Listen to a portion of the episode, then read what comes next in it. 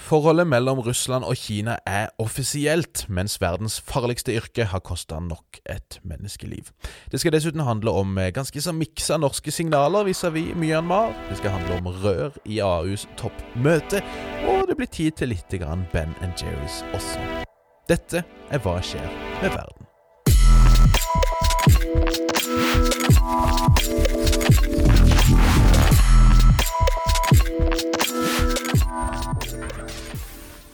Hei og hjertelig velkommen til en ny episode av podkasten Hva skjer med verden? Denne podkasten for deg som er interessert i det som rører på seg innen internasjonal politikk, krig, fred og røret midt imellom der et sted.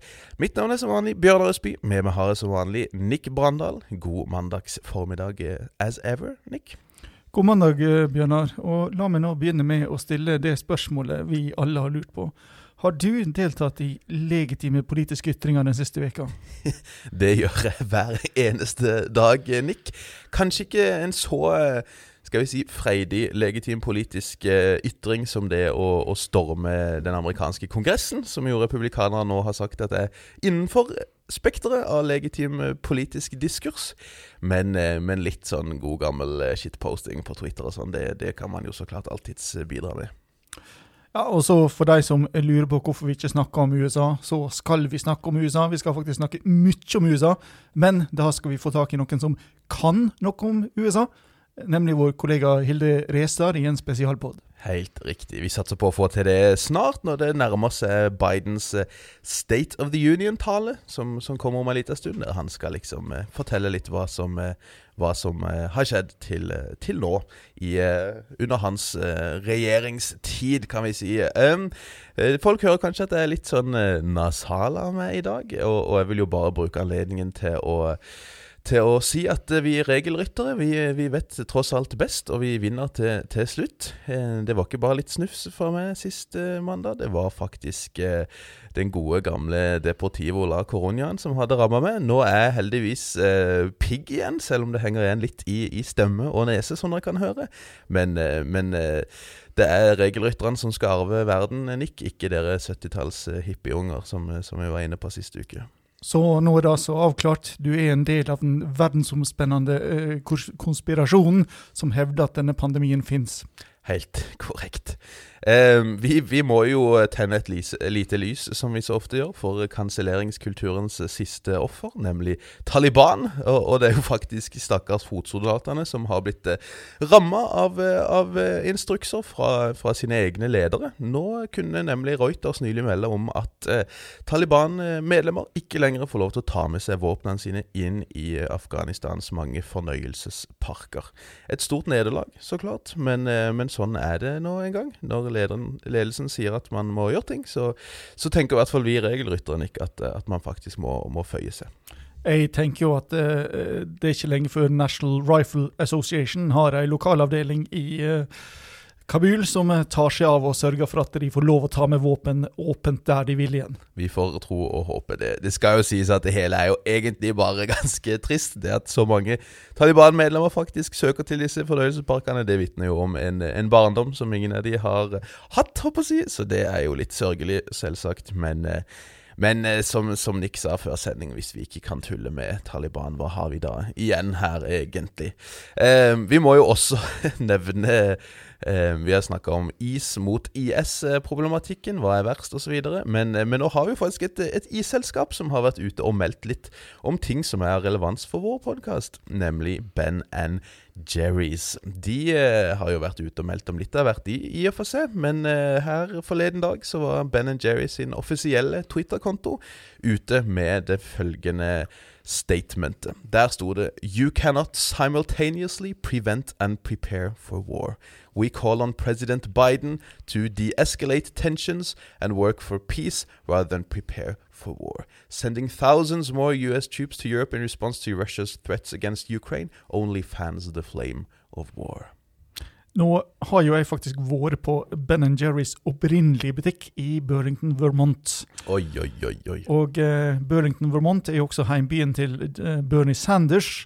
Og eh, dette er nok eh, folk Grunnleggeren Grunnleggerne av Ben Jerry's har en lignende bakgrunn som Bernie. Dette er jo et gammelt eh, hippieselskap. Ai, ai, ai, ai, Eh, og selv om de to opprinnelige eierne nå har solgt seg ut, så eh, la de jo inn en masse eh, si, forpliktelser for de nye eierne til å opprettholde den sosiale samvittigheten som eh, dette selskapet er bygd på.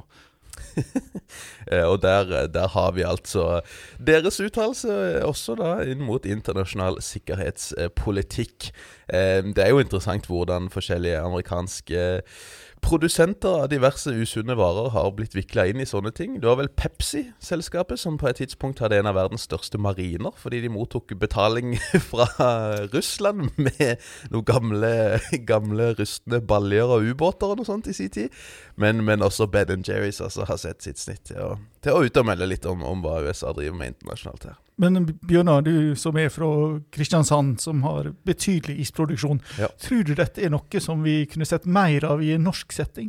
Ja, altså, jeg, jeg jo Jeg begynner jo med en gang å tenke. ikke sant? Jeg begynner å tenke, Prøver å være løsningsorientert her. Prøver å se potensialet. eh, Det, det folk ofte kaller synergier, Nick. Og eh, eh, jeg registrerer jo at det er et ledig verv eh, som eh, generalsekretær i eh, Nato om dagen. Vi trenger kanskje ikke å gå så mye inn i den stolte norske tradisjonen nepotisme og slik, men, eh, men eh, jeg, jeg- sitter jo og tenker i mitt stille sinn Er det på tide å sende en liten delegasjon fra Henning Olsen-is, og, og rett og slett utnevne de til, til kanskje ledelse av Nato? Kanskje sende en, eh, erstatte den norske delegasjonen i Sikkerhetsrådet med diplom-is, f.eks.?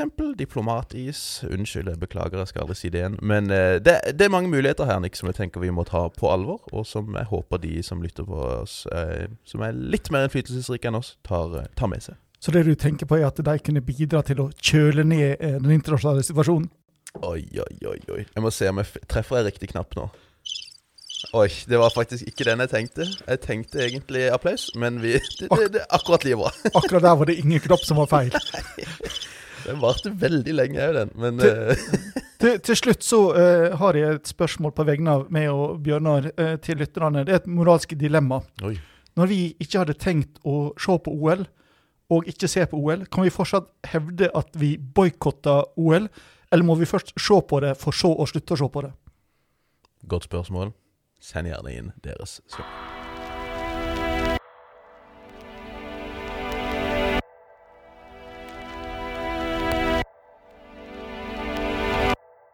Det er jo mye snakk om OL i disse dager. Eh, Det har også vært en del snakk om eh, African Cup of Nations, naturlig nok, fordi den turneringa har pågått eh, et par ukers tid nå. Den endte i går kveld. Den endte med seier til Senegal på straffekonk over Egypt. Og vi må jo så klart sende våre gratulasjoner til våre venner i Senegal på vegne av podkasten.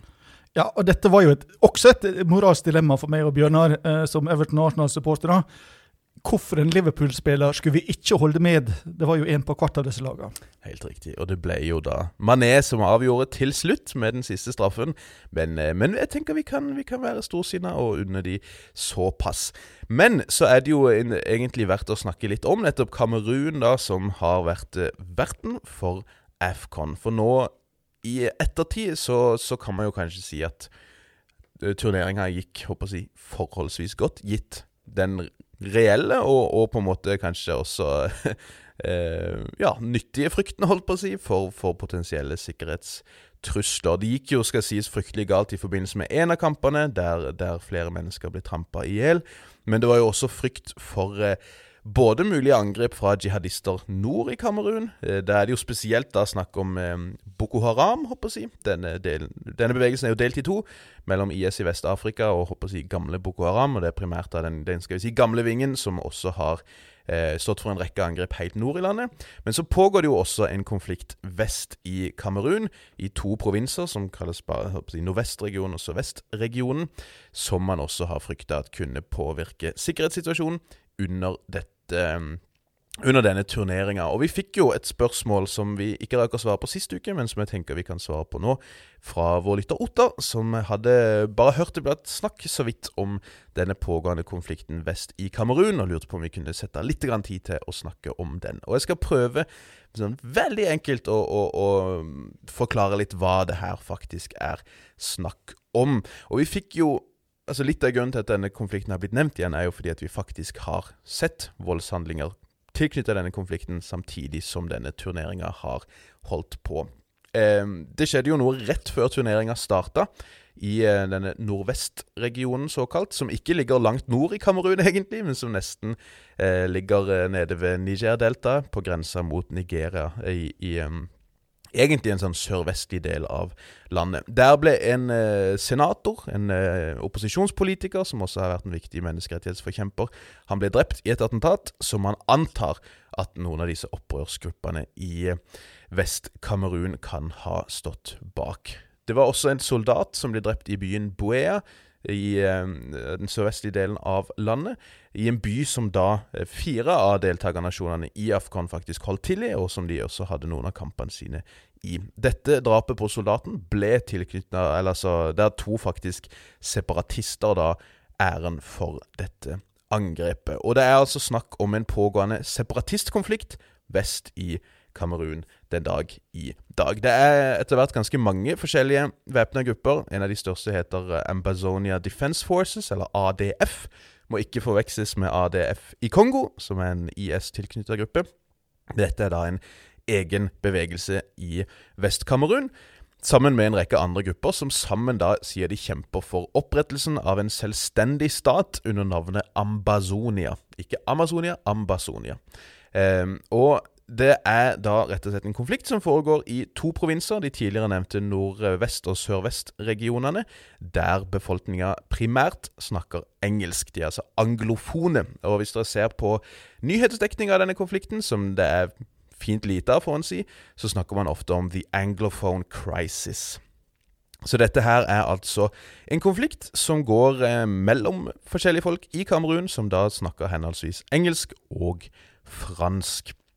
Denne konflikten her, den brøt ut tilbake i oktober 2016, og har til nå altså det, det vanlige tallet som du vil se i nyhetsreportasjer, er at ca. 3000 mennesker skal ha blitt drept siden den gang.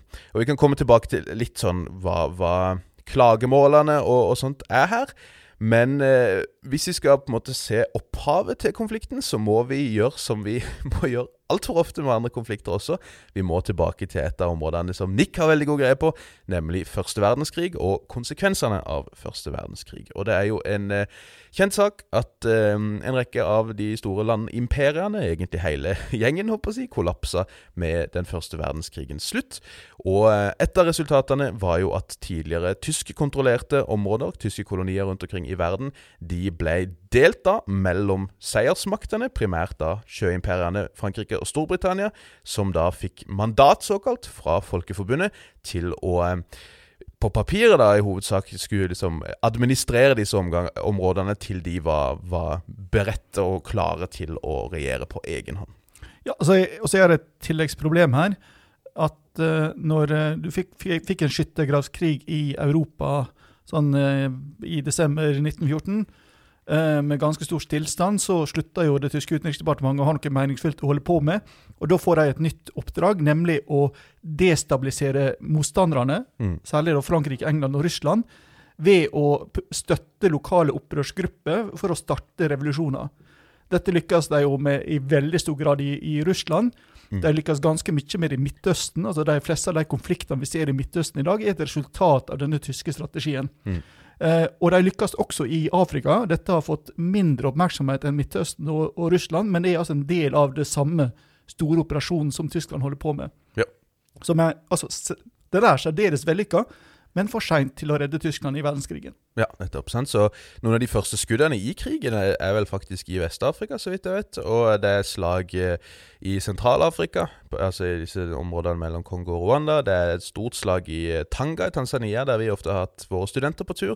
Eh, så man har mange innslag av at krigen også da foregår mellom kolonimaktene i en afrikansk kontekst. Og da Tyskland måtte si fra seg sine kolonier, så betød jo det også at de måtte si fra seg Kamerun, som opprinnelig var eh, under tysk kontroll, før da andre eh, europeiske imperier tok over. Og Kamerun ble da delt mellom eh, Frankrike, som fikk størstedelen av landet til å kontrollere under et eh, folkeforbundmandat, mens da de to provinsene, de i dag to provinsene vest i landet, som historisk ofte blir kalt The Southern Cameroons. Eh, de kom da under britisk kontroll og ble administrert fra Nigeria, da, fra den britiske, eller nigerianske, da, i, siden av, av grensa. Så dette skillet her, som går mellom anglofone og frankofone, det kan vi på en måte spore tilbake til den tid, som et direkte resultat av eh, den første verdenskrigens slutt. Og så ble jo disse to delene da forent igjen i en føderasjon eh, ved selvstendighet, og har håper jeg, tilhørt eh, ett og samme Kamerun siden den gang. Men så har det jo da vært langvarige klagemål fra den engelsktalende delen av befolkninga. Og dette her er jo sånn klassisk problem som vi kan finne i land som, som Belgia og andre steder også, der, der eh, grupper som snakker ett språk, gjerne hevder at de har blitt eh, neglisjert eller marginalisert, undertrykt på forskjellige måter. Eh, og det kan, det kan, handle om alt fra retten til å bruke sitt språk til, til politisk representasjon på høyeste hold. I, I, denne konteksten så er det jo en, en miks av disse tingene her. Eh, det ene er jo en, en, en enkel observasjon at alle de type eh, ledende politikerne, ledere i oljesektoren og lignende, er fransktalende. Det er lite rom for engelsktalende. Det er sånn at de fleste offisielle dokumenter er på fransk, som blir sett på en måte som å på en måte ekskludere da engelsktalende fra toppjobber i det offentlige og lignende. Og det er i det hele tatt da ganske sånn langvarige klagemål der, som, som eh, stort sett har blitt uh, håper si, protestert eh, på fredelig vis, men så har jo dette etter hvert da blitt gradvis mer voldelig. Spesielt egentlig etter myndighetene har slått fryktelig hardt ned på dette her, og, og, og drept, eh, drept, mange sivile i møte med eh, demonstrasjoner, og, og, etter hvert også da i møte med, eh, med voldelig opprør. Så det er over tid, da, og spesielt etter mer press fra statlig hold, at flere væpna grupper har oppstått, og, og, rett og slett tatt til våpen for å prøve å med makt løsrive Ambazonia fra resten av Kamerun. Allerede i 2017 så erklærte jo flere av disse gruppene her at Ambazonia hadde løsrevet seg fra eh, Kamerun. Det er jo naturlig nok ingen som har eh, anerkjent dette her, men, eh, men der ligger altså litt av målet deres. Det har vært forsøk på såkalt nasjonal dialog i 2019, blant annet. Det er sveitsisk megling som er involvert, eh, blant annet, som, som ikke egentlig har, har ledet noen vei. Vi ser jo lignende ting i Etiopia i dag, der det er mye snakk om nasjonal dialog. Det er noe internasjonale aktører setter stor pris på, selv om det ikke ser ut til å, til å lede til noen ting som helst. da, håper jeg, håndfall, si håndfaste outcomes. da. Eh, men eh, men konflikten har jo etter hvert blitt veldig voldelig. Disse, den dialogen har ikke egentlig ledet noen vei. Det har vært nye runder med voldsomme trefninger i 2020, men også, også så seint som i, i, desember 2021 har det vært, eh, vært grove overgrep fra, fra statlige sikkerhetsstyrker. Mye av eh, volden og trusselen om vold fra opprørernes side har vært eh, retta mot skoler. Så eh, Siden 2017 så var det en lang periode der veldig mange av landets skoler altså i disse vestlige provinsene var stengt, som gjorde at veldig, veldig, mange barn ikke har fått noen form for undervisning og utdanning i lang tid. De skal vel ha blitt åpna igjen seinere, men så har du hatt koronaproblematikken og alt dette her. Og, og, i tillegg så er det vel snakk om at noe sånn som 700 000 mennesker har blitt fordrevet pga. denne konflikten. Så hvis vi ser på Flyktninghjelpen sin liste over neglisjerte kriser, som vi lagde en serie om i, i sommer, som, sommeren som var, så er jo Kamerun da alltid helt oppe i toppen der, fordi at det får fryktelig lite oppmerksomhet fra internasjonalt hold. Både krisa humanitært og konfliktene, som gjør at, at situasjonen blir desto mer prekær. Og um, Human Rights Watch var senest ute i, i desember, 17. desember i fjor med en rapport om uh, grove overgrep fra statlige sikkerhetsstyrker mot sivile i disse vestlige provinsene i starten av desember. Der skal sikkerhetsstyrker ha tatt hevn rett og slett mot sivile etter at en militærkonvoi ble angrepet av eh, noen av disse opprørsgruppene, og, og, og, svart på dette der med å drepe både små barn, tenåringer, eldre mennesker. Det var snakk om åtte sivile som de har fått bekreftet å ha drept, fra tre år til 70 år, i tillegg til at de skal ha brent ned et trettitalls hus også, som en hevn på disse tingene her. Og, og, slike tilfeller har det vært mange av. Det er spesielt ett fryktelig eh, grusomt tilfelle der, eh, der, soldater har filma at de dreper kvinner og barn, eh, som, som, ble spredt eh, veldig vidt på Twitter, og som etter hvert da også ble granska. Det var vel BBC, tror jeg faktisk, som leda en gransking av det, som til slutt gjorde at disse soldatene da faktisk ble ble stilt for retten. Så det har vært en, en, en konflikt som virkelig har gått under radaren, men som har kosta veldig mange liv, og som vil fortsette å gjøre det hvis det ikke får mer oppmerksomhet og det skjer mer på den diplomatiske arenaen. Så en veldig kort, veldig grovmaska oppsummering, fordi dette her er så klart langt mer komplisert og nyanserte ting enn det som kanskje kom fram her. Men jeg håper i hvert fall jeg kunne forklare litt hva, hva, det, hva det går i i denne konflikten. Så har vi jo snakka om Norge i Sikkerhetsrådet før, og eh, hvor lite som skjer. Men eh, i forrige uke så, så skjedde det jo litt, Bjørnar. Ja, det gjorde det, og det har jo vært litt, eh, litt møter om diverse. Det har vært snakk om at det var ett møte om Etiopia bak lukkede dører, uten at jeg har sett at det har kommet noe, noe mer konkret ut av det. Men eh, 2. februar, altså da kort tid etter at Norge sa fra seg presidentskapet, jeg lurer på om det er Russland faktisk som leder det nå, så kom det en, eh, et sånn pressestatement fra Sikkerhetsrådet. Og det skal sies, altså Pressestatements det betyr ingenting. på en måte, Det er ikke, det er ikke juridisk bindende, det er ikke en resolusjon som, som, har på en måte ganske mye mer tyngde bak seg. Men det er noe, håper å si, en kontekst der vi ofte ikke får noen ting. så hvis vi skal prøve å være litt optimistiske, eller positive i hvert fall, så er jo det noe. Og den presseuttalelsen, den var om Myanmar, faktisk. Og, og, der ser jeg jo at de som følger uh, Unnskyld, de, de, som følger det som skjer i, i Sikkerhetsrådet aktivt, uh, mener at det er Norge sammen med Storbritannia som har pusha mest på for å få til en slags uttalelse om Myanmar, og få satt situasjonen i Myanmar på dagsorden. Og der er det jo da støtte til, eh, til holdt på å si, sivile myndighetene som har blitt felt av, av regimet. Det er fordømmelse mot regimet og deres maktbruk, og, og, det er masse av det vanlige deeply concerned røret om, om både den humanitære situasjonen, men ikke minst da den Eh, pågående, eller de mange pågående væpna konfliktene rundt omkring i landets periferi, som fortsetter å koste mange liv. Da. Så, så jeg ser jo at Norge har fått litt skryt for det, og det, det er jo på en måte fint, men, men, man hadde kanskje håpet på mer enn bare et enkelt uh, pressestatement. da. Og så må vi jo også da ta opp eh, eh, en annen involvering Norge har i Myanmar. Eh, gjennom, langt mindre hyggelig. som er langt, langt mindre hyggelig. Og den er jo gjennom å være majoritetseier i Telenor, som eh, de fleste nå vel sikkert kjenner til.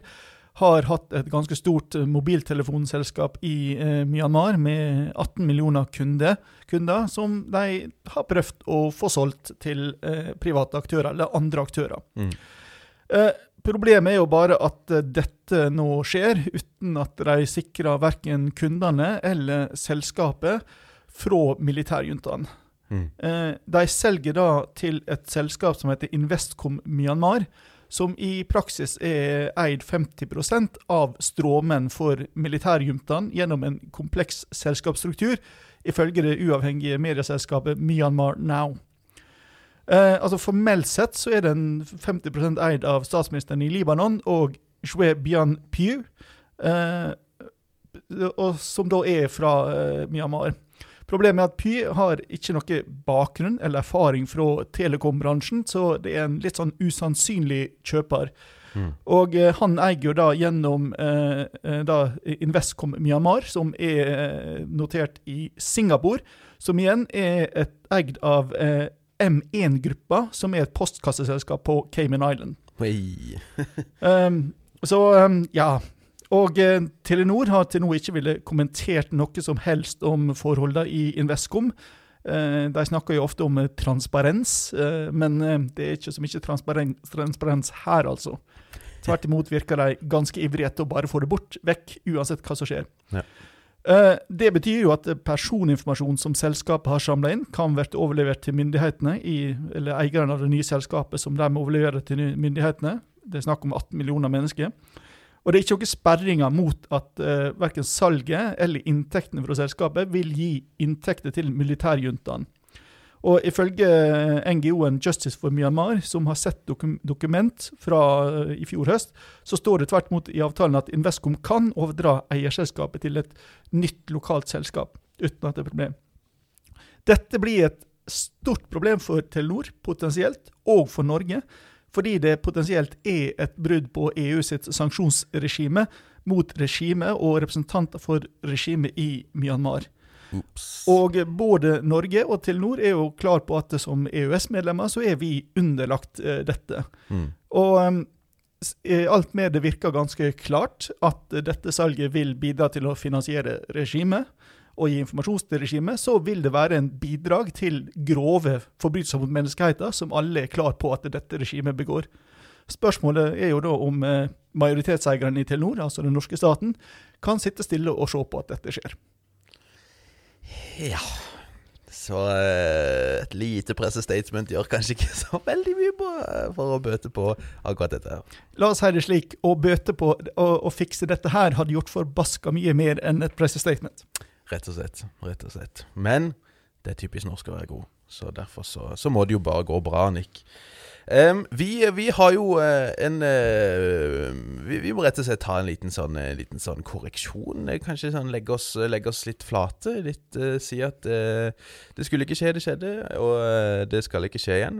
vi skal sørge for å gå gjennom alt av rutiner og protokoller og, og prosedyrer for, for, å sørge for at det ikke skjer igjen. Men vi har rett og slett Det er jo litt flaut, men, men når vi snakka om Bloody Sunday sist uke, så hadde vi jo en rekke punkter som sto på vår kjøreplan, og vi greide å hoppe over flere av disse som gjorde at uh, at den oppsummeringa vår rett og slett var litt uh, mangelfull, fordi vi ikke fikk med noen ganske sånne viktige momenter som har kommet litt seinere.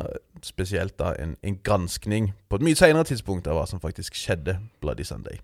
Ja, la, la oss være utvetydige og si at den ble direkte feil. Rett og slett. rett og slett. Og, og, eh, og det var det veldig bra at vi fikk beskjed om fra Helmer, som eh, kan masse om Irland, og som, eh, som eh, sendte en, en, hyggelig mail til oss og påpekte dette. Og det er jo bare veldig bra, for rett skal jo være så rett som, som mulig. Så vi, vi, må rett og slett snakke litt om en granskning, Nick, som starta i 1998 som en del av fredsprosessen, men først konkluderte lenge etterpå, i, i 2010. Og Det var den vi ikke nevnte sist, og da kunne det høres ut som at det var riktig og liksom ferdig med saken at uh, at uh, menneskene som ble drept Bloody Sunday, at, at de ble uh, skutt på i selvforsvar. Det var vel det siste vi sa. Håper jeg at, eller altså, at britiske sida hevda at dette var gjort i selvforsvar.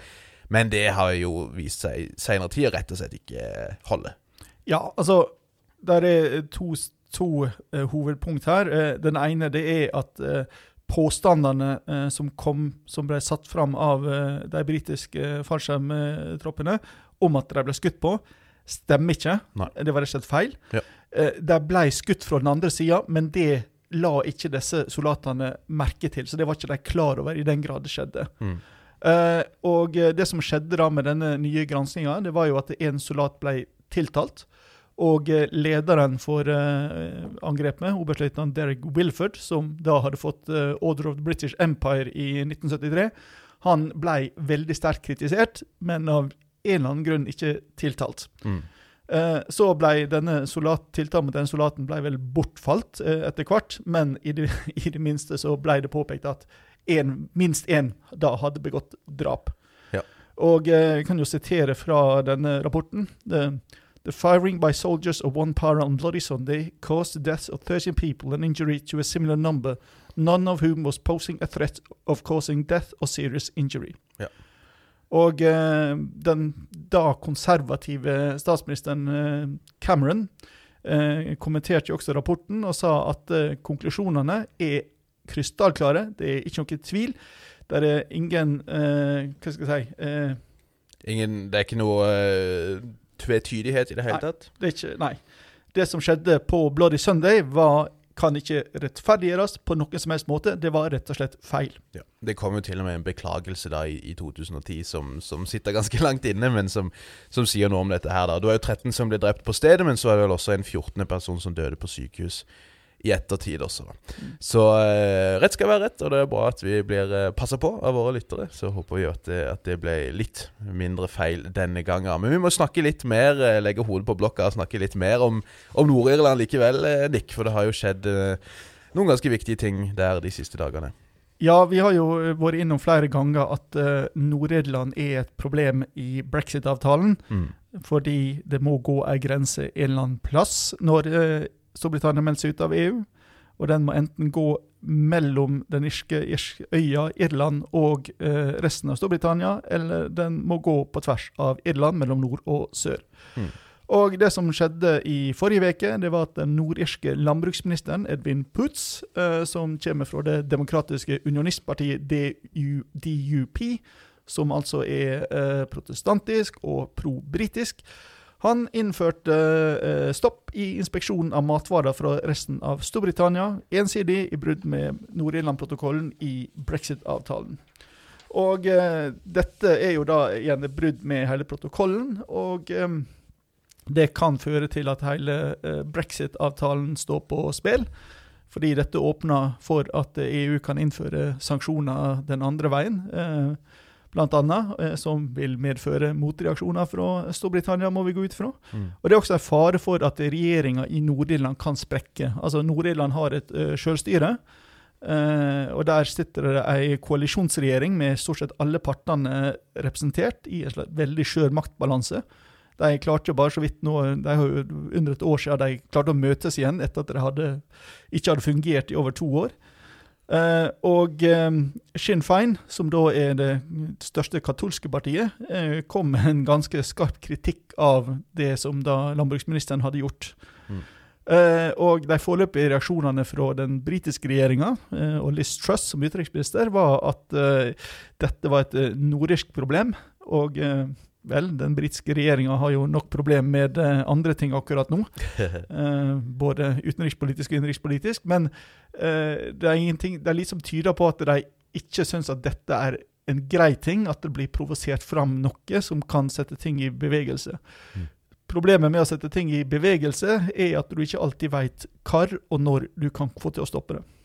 Just, presis. Og ting er jo definitivt satt i bevegelse også i Mali. Der er det flere ting som skjer eh, uke for uke, rett og slett. Og vi er nødt til å hoppe tilbake dit og ta en liten update. For vi snakka sist uke om hvordan eh, Danmark og deres styrker har blitt bedt om å forlate landet.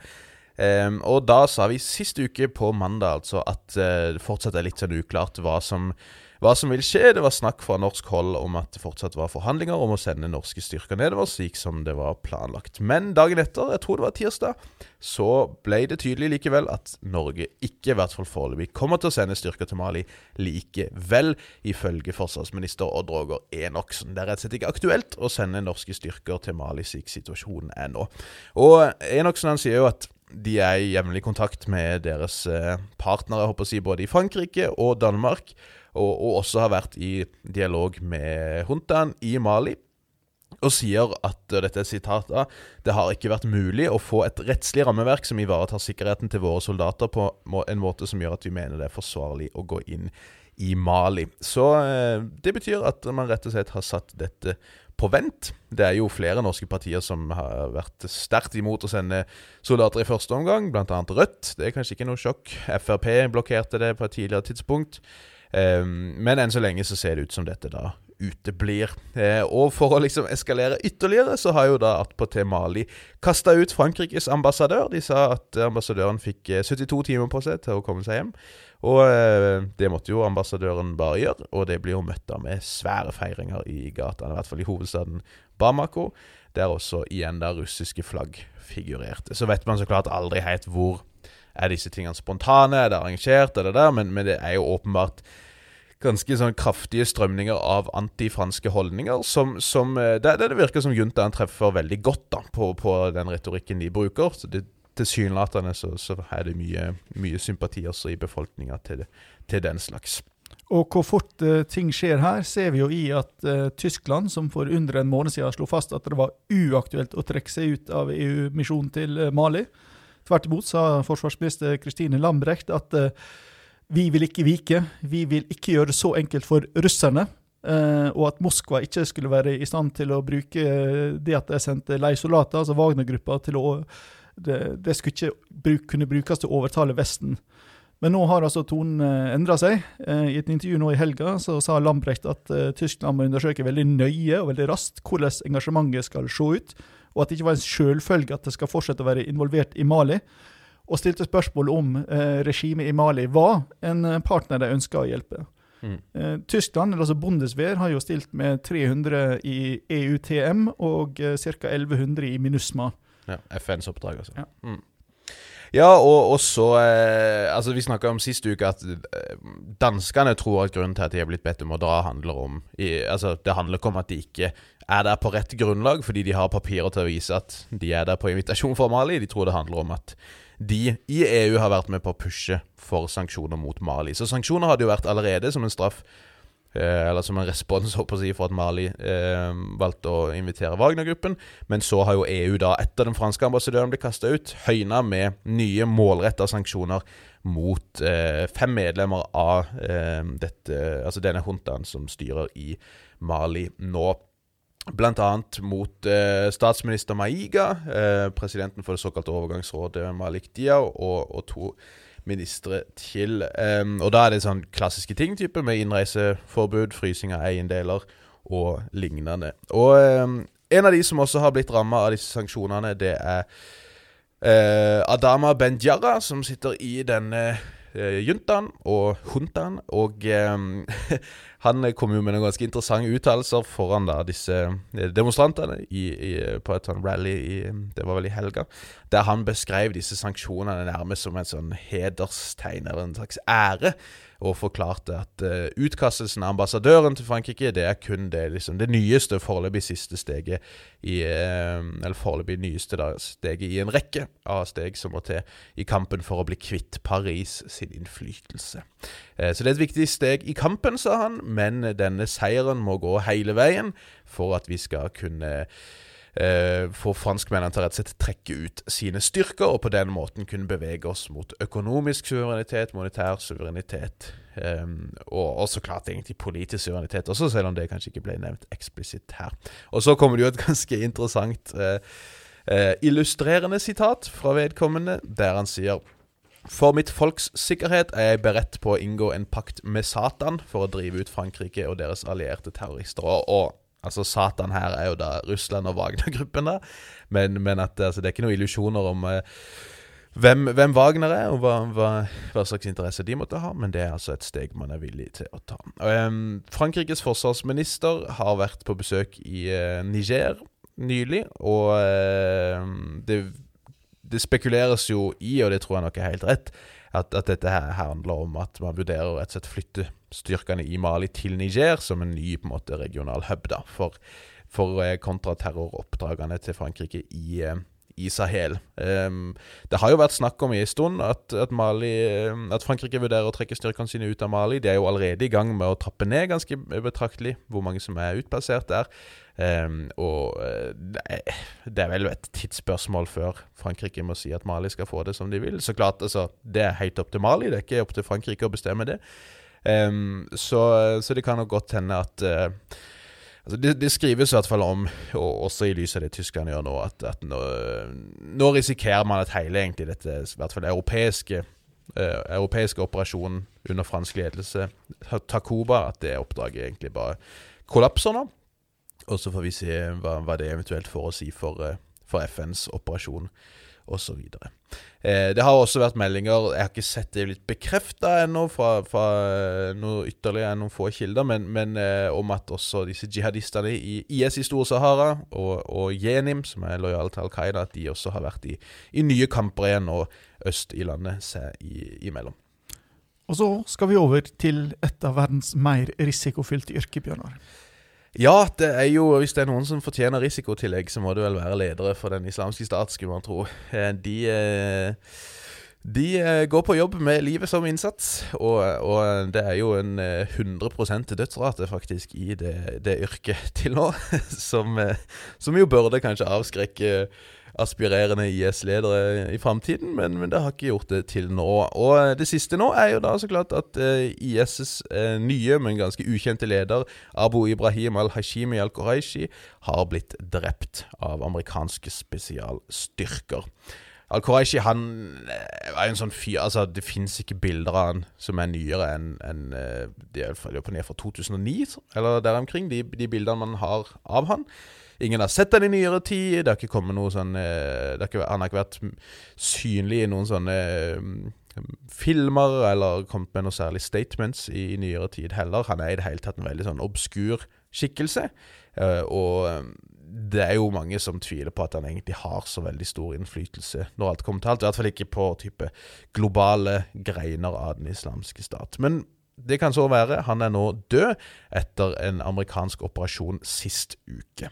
Biden sa at ingen amerikanere ble drept, men eh, det er meldt om at så mange som 13 mennesker skal ha blitt drept der, ifølge lokale hjelpearbeidere som har vært eh, på denne tomta i etterkant. da. Det har vært meldt fra amerikansk hold om at det faktisk var skuddutvekslinger på dette, mm, denne tomta, som jo kanskje kan tyde på at håper si, security detailen til Quraishi faktisk gjorde motstand, noe som de vel ikke gjorde med, da Baghdadi, den forrige lederen, ble drept. Men, men, det er også snakk om at flere sivile, inkludert kvinner og barn, skal ha vært drept. Det har vært noe snakk om at en kvinne skal ha sprengt seg selv. Eh, Quraishi skal ha gjort som Baghdadi og sprengt seg selv også da amerikanerne kom. Men eh, Pentagon-talsmann John F. Kirby kunne jo i hvert fall berolige oss med at hvis noen døde, så er det de andres feil. Nokså enkelt. Det er Quraishi sin feil hvis, hvis, noen andre ble drept. Det sies også at ti sivile skal ha blitt evakuert fra denne tomta, visstnok. Ja, altså, Det ser ut som på rapportene at de amerikanske tapene begrensa seg til at et eh, helikopter ble flygingsudyktig. Ja, og ble eh. ødelagt på stedet av angrepsfly etterpå. da. Ja. Mm. Men, uh, altså, men, kampene skal ha foregått i kanskje så mye som to timer, så det var vel ganske bety betydelig eh, motstand som ble gitt der. Ja, ja. Um, og så, så, er det jo det, altså det som skrives mye om nå, så vidt jeg kan se det altså Det skrives egentlig ganske lite i det hele tatt, som jo sier noe om hvor, hvor kanskje irrelevant han her faktisk var. IS har jo ikke innrømt noe ennå, selv om de har kommet med nyhetsbrev i ettertid. Men um, det som jo gjerne skrives om, er at Quraishi, som hans forgjenger Abu Bakr al-Baghdadi, ble funnet i områder helt nordvest i Syria, like ved den tyrkiske grensa, i provinsen Idlib, som da er kontrollert av, eh, i hovedsak kontrollert av jihadister, primært av en gruppe kalt HTS, som tidligere var lojal til Al Qaida, som nå kjører sin egen eh, vei og, og, og, kjemper både mot eh, Al Qaida-organisasjoner i området, de kjemper tidvis mot Assad-regimet. De kjemper mot uh, IS lenge, og, og, har i det hele tatt prøvd å finne en slags sånn, uh, en tredje rute mellom IS og Al Qaida, der de sier at vi uh, er jihadister, kanskje, men vi er ikke noen trussel mot dere, Vesten. Bare slapp av. Våre ambisjoner er her lokalt, og så har jo de da, eller deres allierte, fått, fått støtte fra tyrkisk hold for å bygge disse buffersonene også delvis på, på den syriske sida av grensa, der Tyrkia har rykka inn gjentatte ganger det er jo en del eh, spekulasjoner, til tider regelrett konspirasjonstenkning, håper jeg rundt, rundt hvorfor disse IS-lederne popper opp langt unna IS' kjerneområder. Disse områdene her vi snakker om nå, har IS fått deng nettopp av disse andre jihadistene før. Men det er veldig nærme den tyrkiske grensa. Så da blir det så klart spekulasjon i liksom Er det noen linker her mellom tyrkisk etterretning og IS, som så mange har synsa om før? Eh, mye spekulasjon rundt det. Altså, det er jo en kjent sak at Tyrkia veldig lenge lot fremmedkrigere krysse grensene inn i Syria uten å gjøre noe for å stoppe det. å si. De begynte først å stenge grensene så fort det begynte å komme kurdiske flyktninger eh, i retur, takket være IS-okkupasjon, eh, eller invasjon av, av kurdiske områder. Men, eh, men, eh, jeg tror nok vi skal unngå å liksom spekulere i at Tyrkia står bak dette her. Jeg tror mer realistiske forklaringer til hvorfor disse jihadistlederne plutselig er å finne eh, i eh, nordvest-Syria, i områder kontrollert av andre jihadister. Det er nok kanskje det at det er en region hvor, eh, hvor håper jeg, sikkerhetsovervåkninga kanskje ikke er så sterk, selv om disse jihadistene stadig vekk har slått ned på Al Qaida-celler i området, så har de eh, begrensa med mulighet til å overvåke området. Det er et område hvor Syria og Russland ikke har representanter på bakken. Det er heller ikke USA. USAs proxyer si, er jo disse primært kurdiske styrkene i Syrian Democratic Forces, som er øst og nordøst i landet.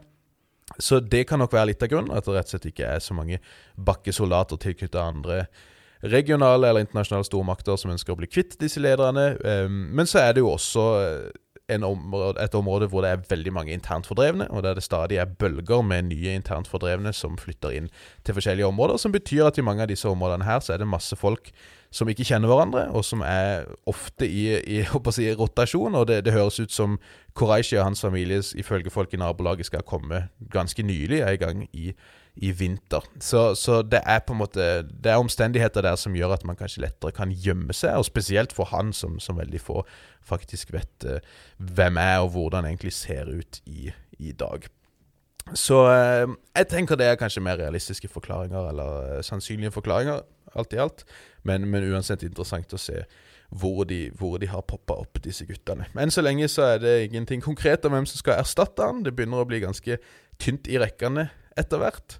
Um, så, så vi får se. Men det, det, jeg ser jo flere spekulere i at dette nok også kanskje henger sammen med dette voldsomme angrepet på et fengsel på den andre sida av landet nylig, som vi snakka om, i Hasaka, hvor eh, et IS-angrep for å prøve å løslate fanger der endte i trefninger som varte i mange dager etterpå, der også amerikanske styrker var involvert, og britiske spesialstyrker var involvert, og at det kanskje, håper jeg, kanskje kan det ha skjedd noe i den prosessen der som har gjort at man har eh, greid å plukke opp en kurer på veien, eller, eller lignende, som har gjort at man har greid å, å identifisere denne mannen, når det nå har vært det første store angrepet på ganske lenge. da. Så av disse eh, gamle gutta, så er det jo bare én mann igjen, Nick. Og det er jo den gamle kjenningen vår, Ayman al-Zawahiri, Al Qaidas leder, som sitter eh, langt inn i gokk i, i fjellene i eh, Hindukush, antageligvis. Eh, og så kan vi jo spekulere i hvorfor han lever fortsatt. Kanskje er det fordi han er ekstremt døll og ikke så veldig innflytelsesrik. Han legger jo stadig ut eh, filmer som varer i et par timer, der han bare sitter og kjaser med kamera, og har gitt ut noen bøker på et par tusen sider eh, med et par bind osv. Antyder det at han burde nøyd seg med en podkast på ca. en time ukentlig? Helt riktig. Og, og jeg må jo si, som en journalist på Twitter sa, det kan jo tenkes at Sawahari plutselig popper opp på en Joe Rogan-podkast for, uh, for å, å holde seg relevant. det vil tiden vise. Men vi må til eh, den liksom store saken som opptar eh, internasjonale medier veldig mye for tida, og det er jo Russland, Ukraina, EU, Nato. Alt det som foregår på det området der. Og du har lyst til å rette litt fokus mot eh, Tysklands rolle oppi alt dette, Nick. Ja, og det er jo dels fordi det, det skjer ikke så veldig mye nytt eh, åpent. Forhåpentligvis skjer det ganske mye bak. Den siste veka, eh, eller siste to ukene egentlig, har jo vært prega av en konkurranse mellom Erdogan og Macron om hvem som skal bli den store fredsmegleren. De har jo eh, begge vel eh, både vært i, eh, i Ukraina, og de har snakka med Putin og tilbudt seg å legge til rette for det. Mm. Samtidig som begge to er ganske ivrige på å sende våpen, eller selge våpen, til Ukraina.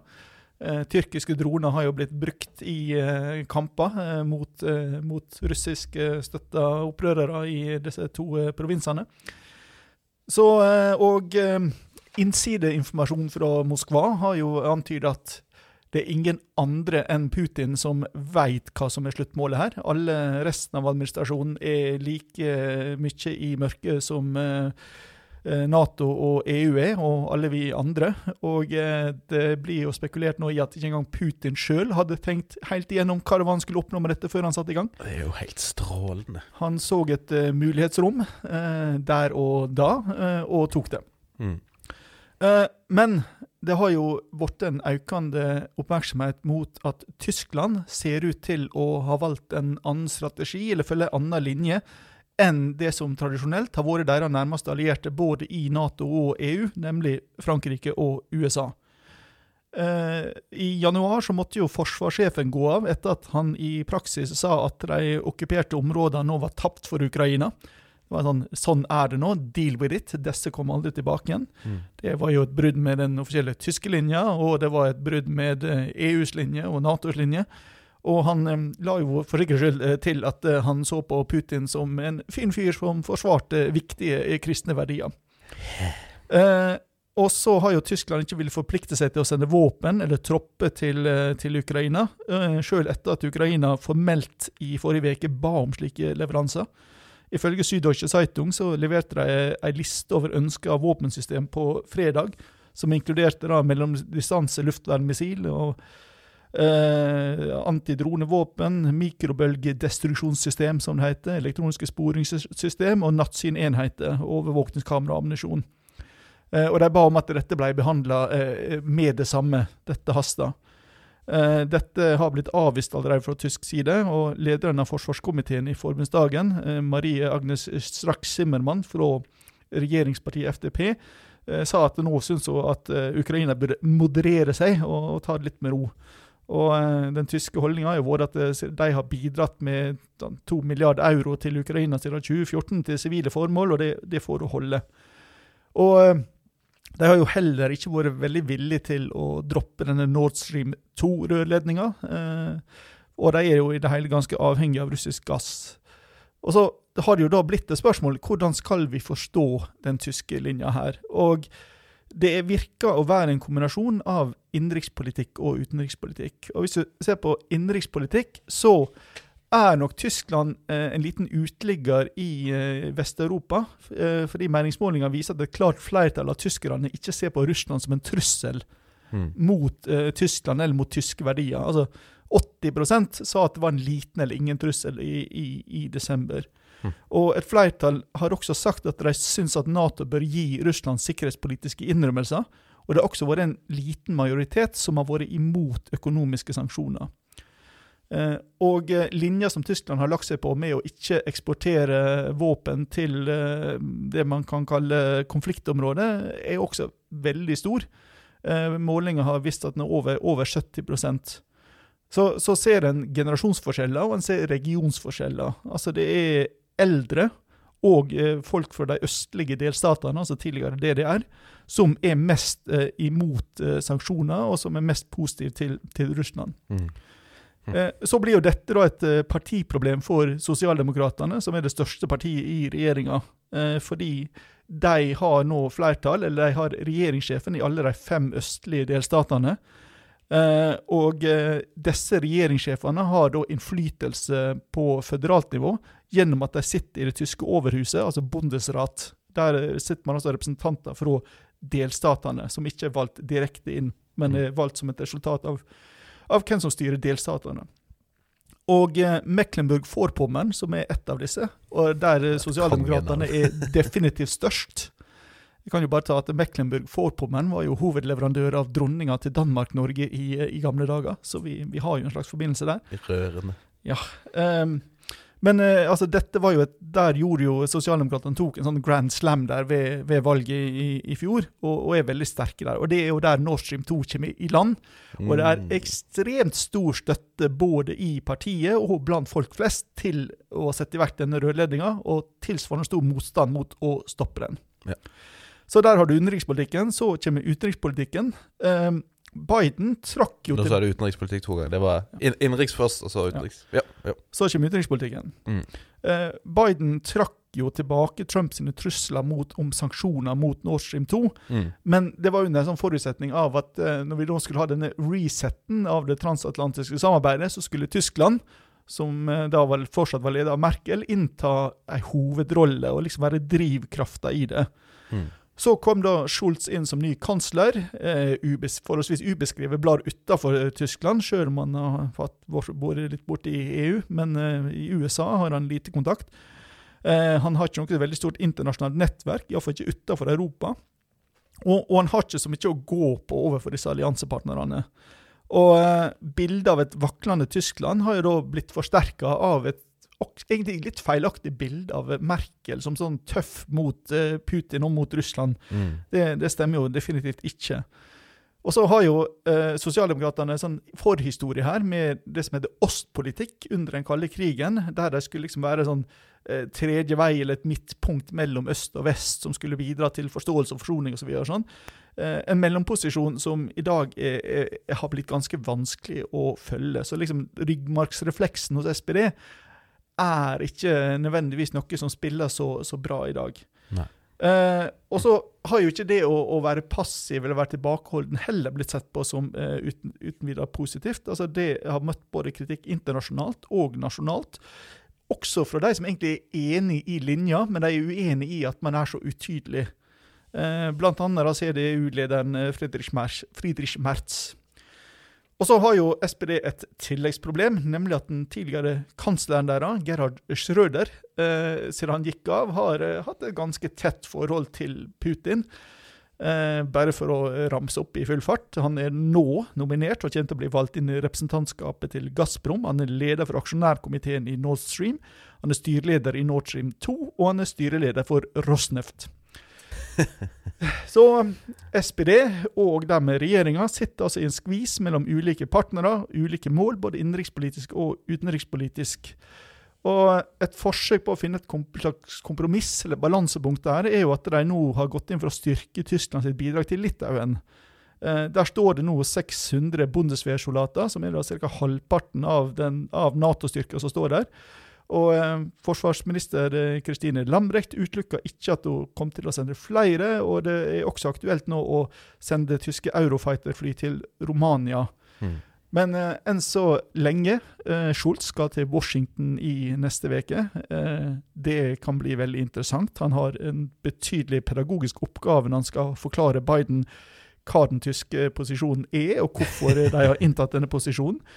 Og eh, det vil nok ikke komme som en overraskelse om eh, han vil måtte komme med noen eh, innrømmelser, samtidig som det er begrensa hvor langt han kan gå, nettopp fordi at han har disse innenrikspolitiske hensynene som han også må ta. Veldig, veldig interessant, altså. Og um, jeg så jo just nå, jeg var det i, i natt, kanskje, at det kom eh, rapporter, jeg leste det til morgenen i dag i hvert fall, om at eh, USA også sender eh, B-52-bombefly til Storbritannia nå, eh, som skal plasseres ut der for fansen, jeg eh, antar jeg. Ehm, så vi ser jo en del, en del troppeforflytninger rundt omkring. Det er jo også noen rapporter om at disse forskjellige russiske eh, Styrkene nå begynner å liksom eh, bre seg ut i en eh, vifteformasjon som jeg ser en del observatører sa liksom at det er Når, når de tingene begynner å skje, at forskjellige kampgrupper begynner å, å, å bre, eh, bre, seg ut langs fronten, da tror vi at det, det nærmer seg. Men uh, time will show. Altså, En skal jo være forsiktig med å ha for sterke meninger når en sitter utafra med begrensa informasjon. Ja. Men det er klart at her har du en amerikansk president som sliter på heimebane. Du har en britisk statsminister som sliter på heimebane, og du har en russisk president som definitivt sliter på heimebane. Du har en fransk president som er midt i en valgkamp. Dette her er ikke ei oppskrift på en uh, uten videre stabil posisjon, uh, En- så, en så, lenge, så lenge det ikke er voksne i rommet. Og en tyrkisk eh, president som har en ganske heftig økonomisk krise på hjemmebane. Og en tysk regjering som ikke vet hva de vil. Så dette er jo helt strålende, altså. Eh, og fra dysfunksjonelt til dysfunksjonelt, så kan vi jo eh, bruke bitte litt tid på å snakke om eh, Den afrikanske union, som hadde et eh, toppmøte her i helgen som var.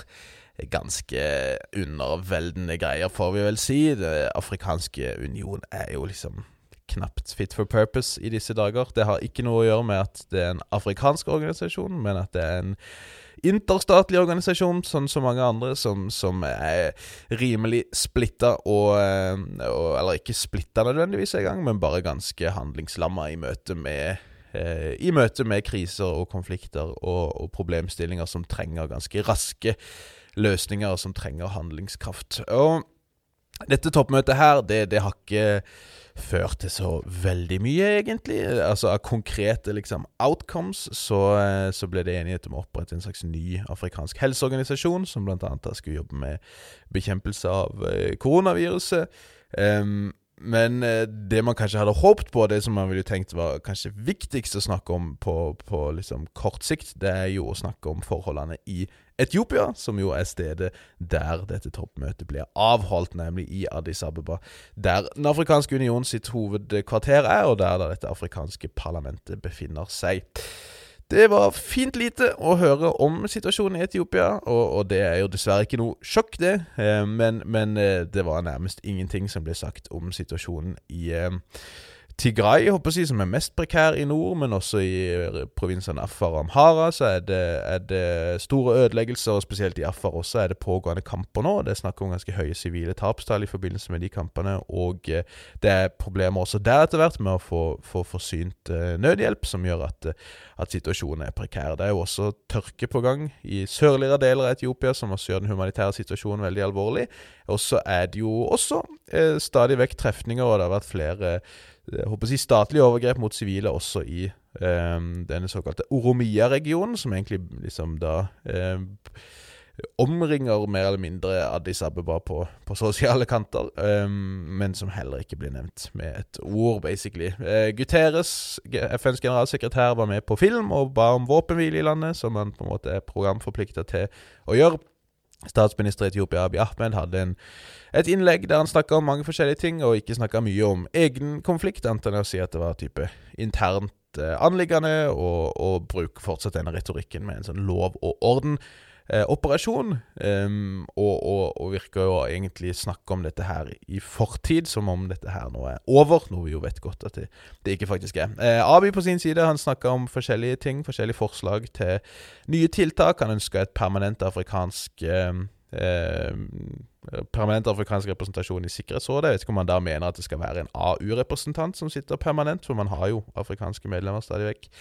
Eh, men også eh, opprettelsen av en panafrikansk medieorganisasjon, da, angivelig for å kontre fake news og, og dårlig dekning av afrikanske forhold. Nå vet jeg ikke om han er mannen som skal uttale seg så veldig, godt, eh, så veldig høyt om, om nøktern mediedekning og, og, fri presse og slikt, men det får så være.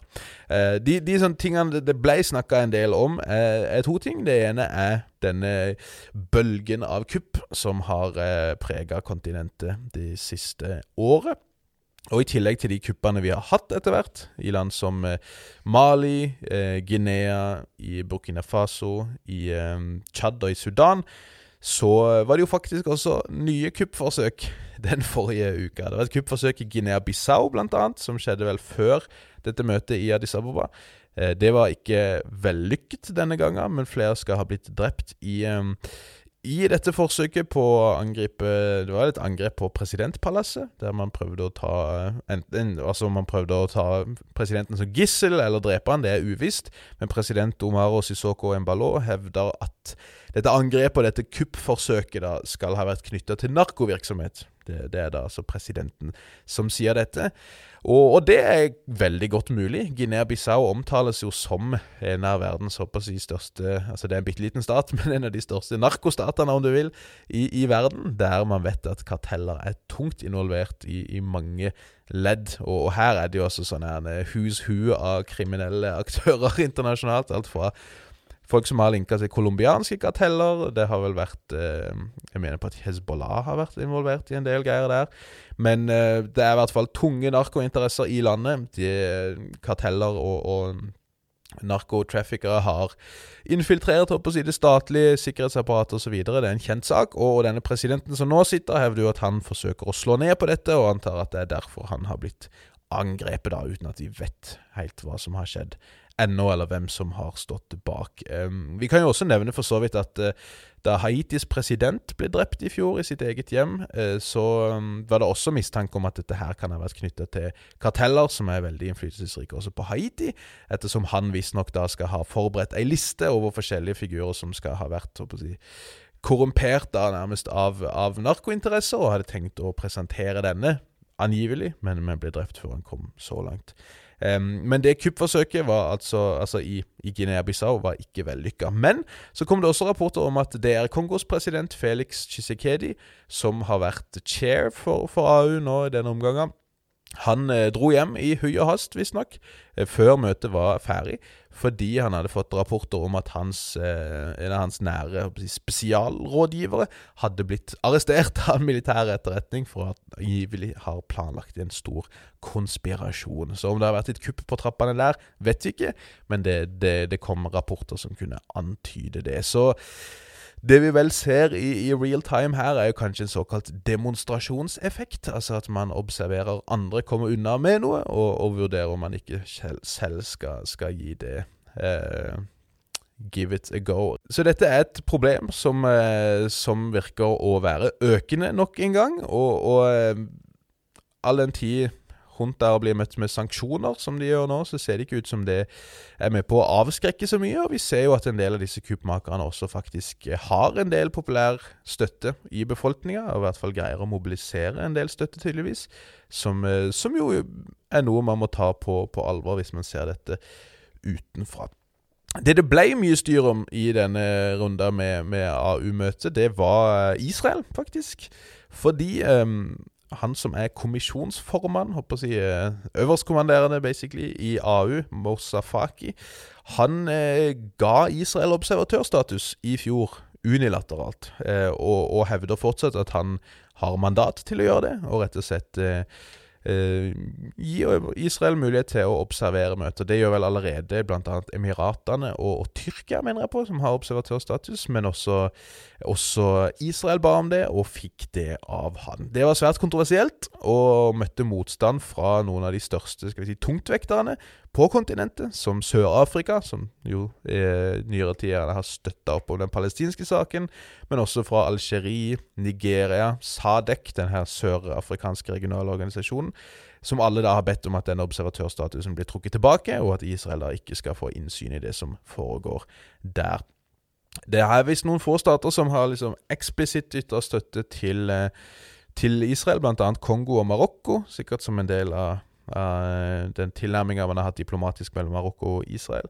Men, uh, men uh, det var en, eh, et innlegg fra Palestinas statsminister Mohammed eh, Steie som eh, sto på talerstolen og oppfordra AU til å trekke tilbake denne observatørstatusen, og sa da at Israel ikke bør belønnes for sitt apartheidregime, som han sa. Og, og når vi først nevner apartheidregimet, så kan vi jo bare skyte kjapt inn at Amnesty International kom med en rapport forrige uke der de da bygger, bygger en case for å anklage Israel for forbrytelsen apartheid, som, som da Human Rights Watch gjorde i en rapport som de publiserte i, i fjor vår.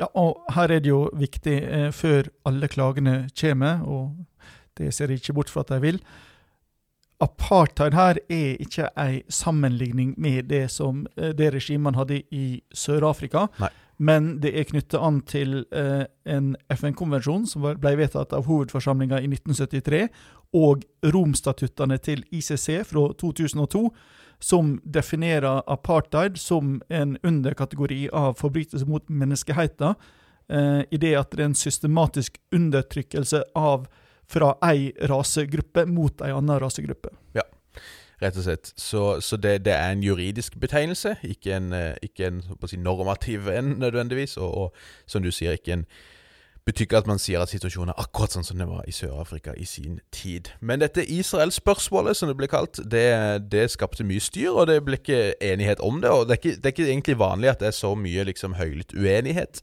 I AU ofte så er man enige om å ikke, ikke gjøre så mye, på en måte. Men, men, her så førte det rett og slett til at man måtte bare suspend the debate on the Israel question, som det ble sagt, og at det rett og slett har blitt utsatt. Og, og liksom man satte opp en komité som skulle sitte og drodle litt rundt dette her, da. En siste liten sak som vi kan bare nevne kjapt, fordi at det er et område vi snakker lite om, men som eh, nok vi kanskje kommer til å måtte snakke litt mer om i tiden som kommer. Det er Somaliland. Denne delen av Somalia som eh, i praksis egentlig fungerer mer eller mindre som en selvstendig stat, men som ikke ennå er anerkjent som det fra internasjonalt hold. Norsk praksis har vel mer eller mindre støtta opp om, om, Somaliland som en slags uh, selvstendig stat, men, uh, men, det er ikke noen, uh, noen liksom konsensus fra internasjonalt hold om at Somaliland er det eh, det jure, om det så er det de facto, for å bruke fagspråket.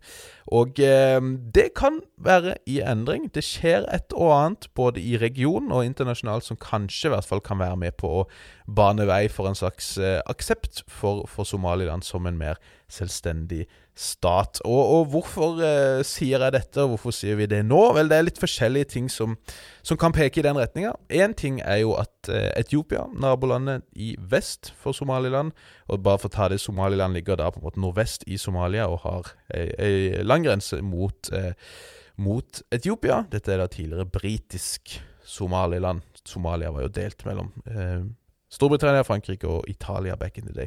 Men, men eh, Somalilands etiopiske nabo de har eh, nylig eh, håper jeg, oppgradert sin konsul i landet til en faktisk ambassadør. Eh, som den første staten til å gjøre det, så vidt jeg vet. Noe som da eh, ses på som en sånn implisitt anerkjennelse at dette her er en stat, som da er en slags diplomatisk likeverdig eh, aktør, som man da kan sende en, en, faktisk diplomat til, en statlig representant til en annen stat, enkelt forklart. Hvorfor gjør Etiopia det her nå? Eh, det er jo en del som spekulerer i at dette handler om at Abiy Ahmed og myndighetene i Etiopia ønsker noe tilbake for en eventuell liksom eh, skal vi se, for å bane veien for aksept som en selvstendig stat, og, og der er det jo en del spekulasjon, eh, med god grunn, tenker jeg, om at Etiopia eh, søker en havn mot Rødehavet. Eh, det kan Somaliland tilby. enten i havnebyen Berbera, der det er anlegg med både flystripe og, og storhavn, eller i Zeila, som er kanskje det mest aktuelle alternativet, fordi det er veldig kort vei fra den etiopiske grensa ut til denne byen Zeila, som ligger helt nord i Somaliland, rett ved grensa til Djibouti for øvrig. Og det har jo vært eh, noen lokale medier ser jeg, som melder at, eh, at um, da Abiy Ahmed var på besøk i Emiratene, som vi snakket om sist uke, så kan det ha vært diskutert nettopp dette spørsmålet her, da, om man kan få til noen avtaler om en havn, sånn at Etiopia kan få tilgang til havet på den måten. Der kanskje da for å kontre Egypt, som de jo da konkurrerer med, spesielt rundt denne demninga, som det har vært mye diskusjon rundt, og prøve å kontre Egypt i, i Rødehavet eventuelt. Kan jo nevne bare litt sånn morsomt historisk, så var jo Norge faktisk med på å bygge opp den etiopiske marina i sin tid, tilbake helt på 50-tallet, vel. Da Eritrea fortsatt var en del av Etiopia, og at man da hadde en lang, lang grense ut mot Rødehavet. Så, så Norge har faktisk linka helt tilbake til den gang. Men det er ikke kun Etiopia kanskje som ønsker noe fra Somaliland, eller som vurderer en anerkjennelse. Det kan faktisk også hende at USA er villig til å trekke litt i den retninga.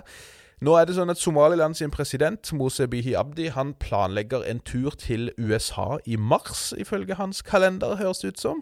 Eh, der det da meldes bl.a. fra Wall Street Journal om at presidenten i Somaliland er ute for å, for å høre rett og slett om, om USA kan være interessert i en base i Somaliland. USA har allerede en base i Djibouti.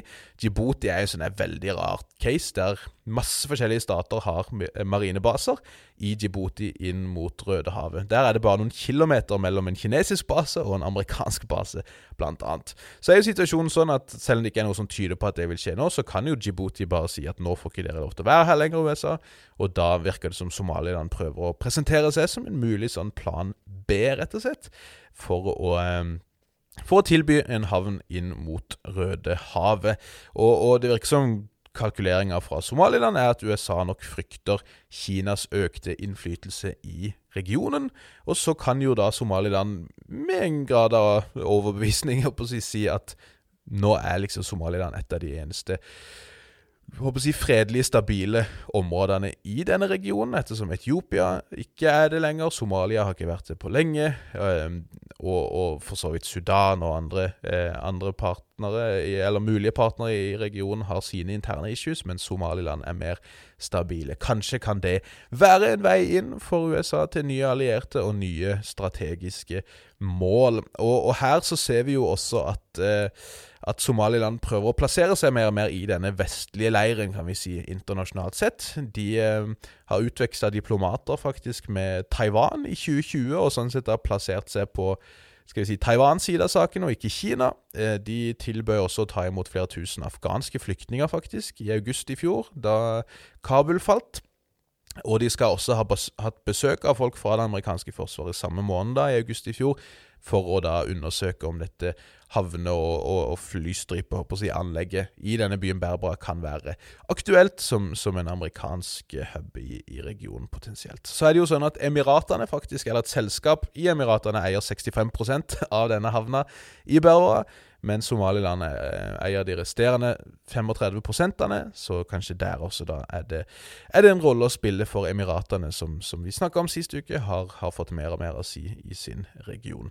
Eh, også i, i, Storbritannia har det vært debatt i det siste nå fra, fra si, eh, medlemmer av parlamentet der som er pro Somaliland, som har hatt oppe debatter om, om eventuelt britisk anerkjennelse av Somaliland som selvstendig stat. Det har enn så lenge jeg håper jeg blitt møtt med at dette må somalierne finne ut av sjøl, for dette vil jo praksis, praksis være en løsrivelse fra en, en uh, suveren stat, og det er jo ganske kontroversielt, så, så, enn så lenge så tar vi ikke noen avgjørelse på det. Men kanskje blir Somaliland den nyeste uh, selvstendige staten. De facto, i praksis, så er det det. Det jure, håper jeg, juridisk på papiret, så er det ikke ennå en selvstendig stat, men kanskje vi får nok en ny stat på det afrikanske horn. Time will show.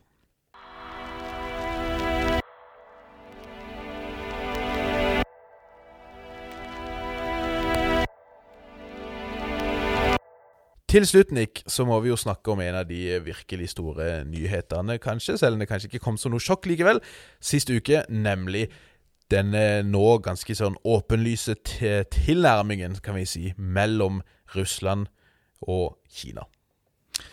Ja, og det skjedde jo nesten på to uker nær 50 år etter det historiske møtet mellom Nixon og Mao 21.2.1972, som eh, tydeliggjorde den sino-sovjetiske splittelsen. Den hadde jo vært klart der i et tiår allerede, eh, men her ble den gjort eh, høyst konkret. Og den førte til en varig splittelse i den kommunistiske blokka. Eh, som ble sett på som et, et viktig steg for, for, USA i den kalde krigen. og en del av det som gjorde det mulig å få en sånn avspenningsperiode utover på, på 70-tallet, før det hardna til igjen med, med Reagan på, på 80-tallet. Eh, og dette var jo da det første møtet live mellom Putin og Xi siden eh, koronaen begynte. Eh, og det var jo da i forbindelse med åpninga av eh, OL. Eh, så er det det 38. møtet siden 2013, så dette er jo folk som eh, ser hverandre både, både titt og ofte. Eh, men denne gangen så var jo bakteppet både, både Taiwan og ikke minst Ukraina. Og eh, Putin sto slo jo på stortromma her og kalte de sino-russiske forbindelsene for enestående. Og at han og Xi delte mange felles syn på hvordan vi kan løse verdensproblemer. Jeg tror de deler felles syn på hvordan de kan skape en del verdensproblemer også, men, men la nå det ligge. Dette møtet var nok viktigere for Putin enn for Xi, og det var viktig for Putin innenrikspolitisk, fordi han kunne, kan bruke dette til å vise at Russland står ikke alene i verden. Vi har partnere, og ikke bare har vi partnere, vi har Kina, en økonomisk eh, supermakt. Eh, så eh, økonomisk var det også viktig, og sikkerhetspolitisk var det viktig. Altså Økonomisk så eh, ble det inngått avtaler om økte leveranser av naturgass, 10 milliarder kubikkmeter per år, for de som vet hva det betyr. Eh, og også nye løsninger for å levere hydrokarbon, og, og plan om eh, en ny gassrørledning, Power of Siberia 2, som den heter. Wow. Eh, så følger dette for så vidt utviklinga generelt, fordi det har vært en kraftig økning av russisk gasseksport til Kina de siste åra. Og Russland er i dag det klart største eksportlandet, eller altså importlandet for Kina, av, av energi. Altså og dette vil jo potensielt være veldig viktig for Russland dersom de blir utsatt for sanksjoner fra Vesten over Ukraina. og Kina trenger energi hele veien. altså De har hatt økonomisk vekst, og skal den fortsette, så må de ha mer energi. og de er i ferd med å bygge ut ganske mye sjøl. De satser på kull, de satser på atom og de satser på sol. altså De satser over hele linja fordi det er nesten umettelig behov. Så, så, er ikke dette her en så åpenbar allianse som eh, en kanskje skulle tro. Eh, det er nokså ulike interesser økonomisk og, og politisk mellom disse to landene. Og eh, det er under Altså, det er bare ca. ti år siden de ble enige om Eller de bila de felles grensekonfliktene som så sent som i 1969 eh, var på grensa til krig. Det ble vel utløst skudd, faktisk, under, under den konflikten. Eh, det er, og begge to har ambisjoner om hegemoni i Sentral-Asia. Ja. Eh, som gjør at de før eller senere vil nok havne i, i konflikt. Det, det, er først og fremst en allianse basert på hvem og hva de er imot, enn hva de er for. Eh, og det de begge er imot, det er den liberale verdensorden, slik den har utvikla seg etter den kalde krigen, med, med litt forskjellig begrunnelse, men, men dog. Og Det som konkret kom ut av uh, dette møtet uh, nå uh, i forbindelse med OL, var jo at Kina uttrykte støtte for Russlands krav om Nato-tilbaketrekking i Øst-Europa.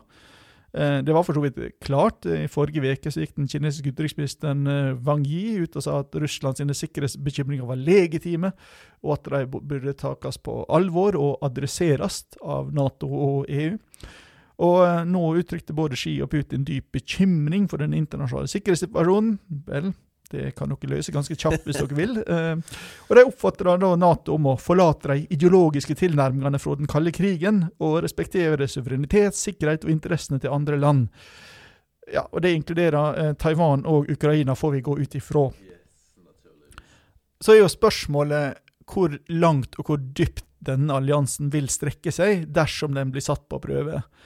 Og da ser jeg jo at eh, internasjonale analytikere og eksperter eh, tror at eh, Russland neppe kan håpe om så veldig mye mer enn thoughts and prayers fra Ski dersom det skulle bli krig over Ukraina.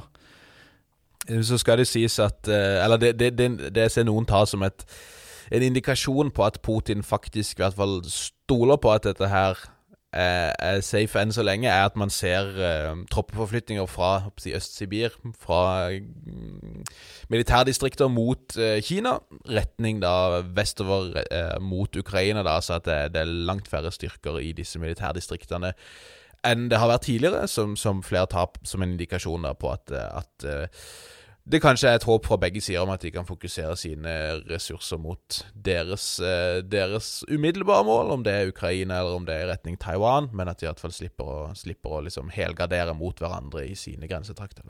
Ja, men jeg, jeg, tror ikke vi skal overfortolke det der. fordi mm. at det er betydelige russiske baser i, i, øst, er nok en arv fra gamle dager. Ja. Mer enn at de ser på dette som et veldig aktuelt stridsområde i dag. Mm. Det er litt sånn, Norge had, har jo hele tida hatt uh, tyngdepunktet sitt i Nord-Norge, sjøl i de periodene der vi ikke så Russland som en veldig stor trussel. Mm. Så der du har en infrastruktur, vil du fortsette å ha en infrastruktur. Ja. Og så i, i, 2014 så kom jo Kina til, uh, Russl til hjelp for, uh, for, Russland, når de fikk økonomiske sanksjoner etter, etter Krim. Uh, da kjøpte de ganske mye gass, men nå er, har ikke noen av dem så veldig mye mer å gi. Altså De har utvikla dette økonomiske samarbeidet. Så det de kan bidra med, er nok at Russland ikke blir fullstendig isolert. Ja. Og så er det jo en håper si, Det er ikke likevekt i dette for, forholdet her. Samme hvor mye Putin skulle ønske at det, det er det. Altså, mm. Kina er en stormakt, det er ikke Russland. Og, det er supermakt, kanskje. Eh, Russland trenger Kina mer enn Kina trenger Russland. Ja. Altså, Kina har andre alternativ hvis de må.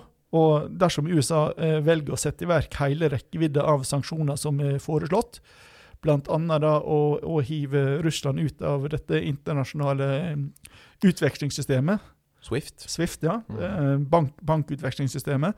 Så må Kina velge mellom å delta i verdensøkonomien eller å støtte Russland, og det valget blir neppe så veldig vanskelig. Mm. Eh, russiske banker har allerede klaga over at de sliter med å få kinesiske banker til å, å hjelpe dem når vestlige banker ikke vil.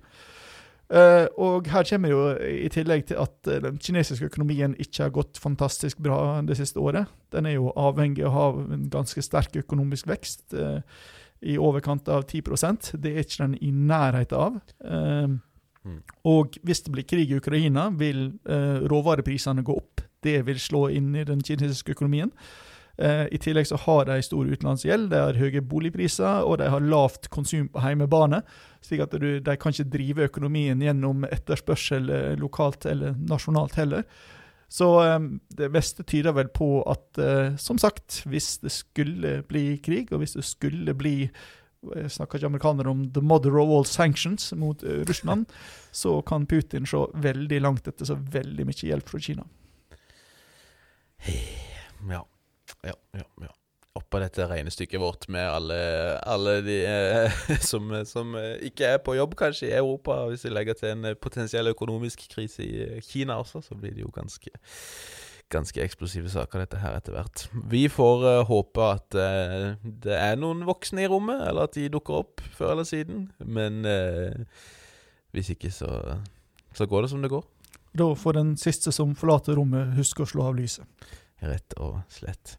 Vi eh, må takke for oss eh, der, men eh, takk for at dere lytter som vanlig. Send inn deres spørsmål til oss, eller eh, rettelser, eh, kommentarer på uttalelser og eh, hva det måtte være, på hva skjer med verden.no. Så skal vi prøve å svare ut og legge oss flate og rulle rundt og gjøre det som må til for å for å bøte for skaden vi eventuelt har gjort. Og hvis dere har spørsmål om ting vi skal snakke om, eller prøve å forklare, eller hva det skulle være, så tar vi hjertelig imot det også. Så, så bare send det inn på nettsida vår. Enn så lenge så får vi bare si eh, takk for nå. Takk for det, Nick. Sjøl takk, Bjørnar. Vi snakkes veldig snart.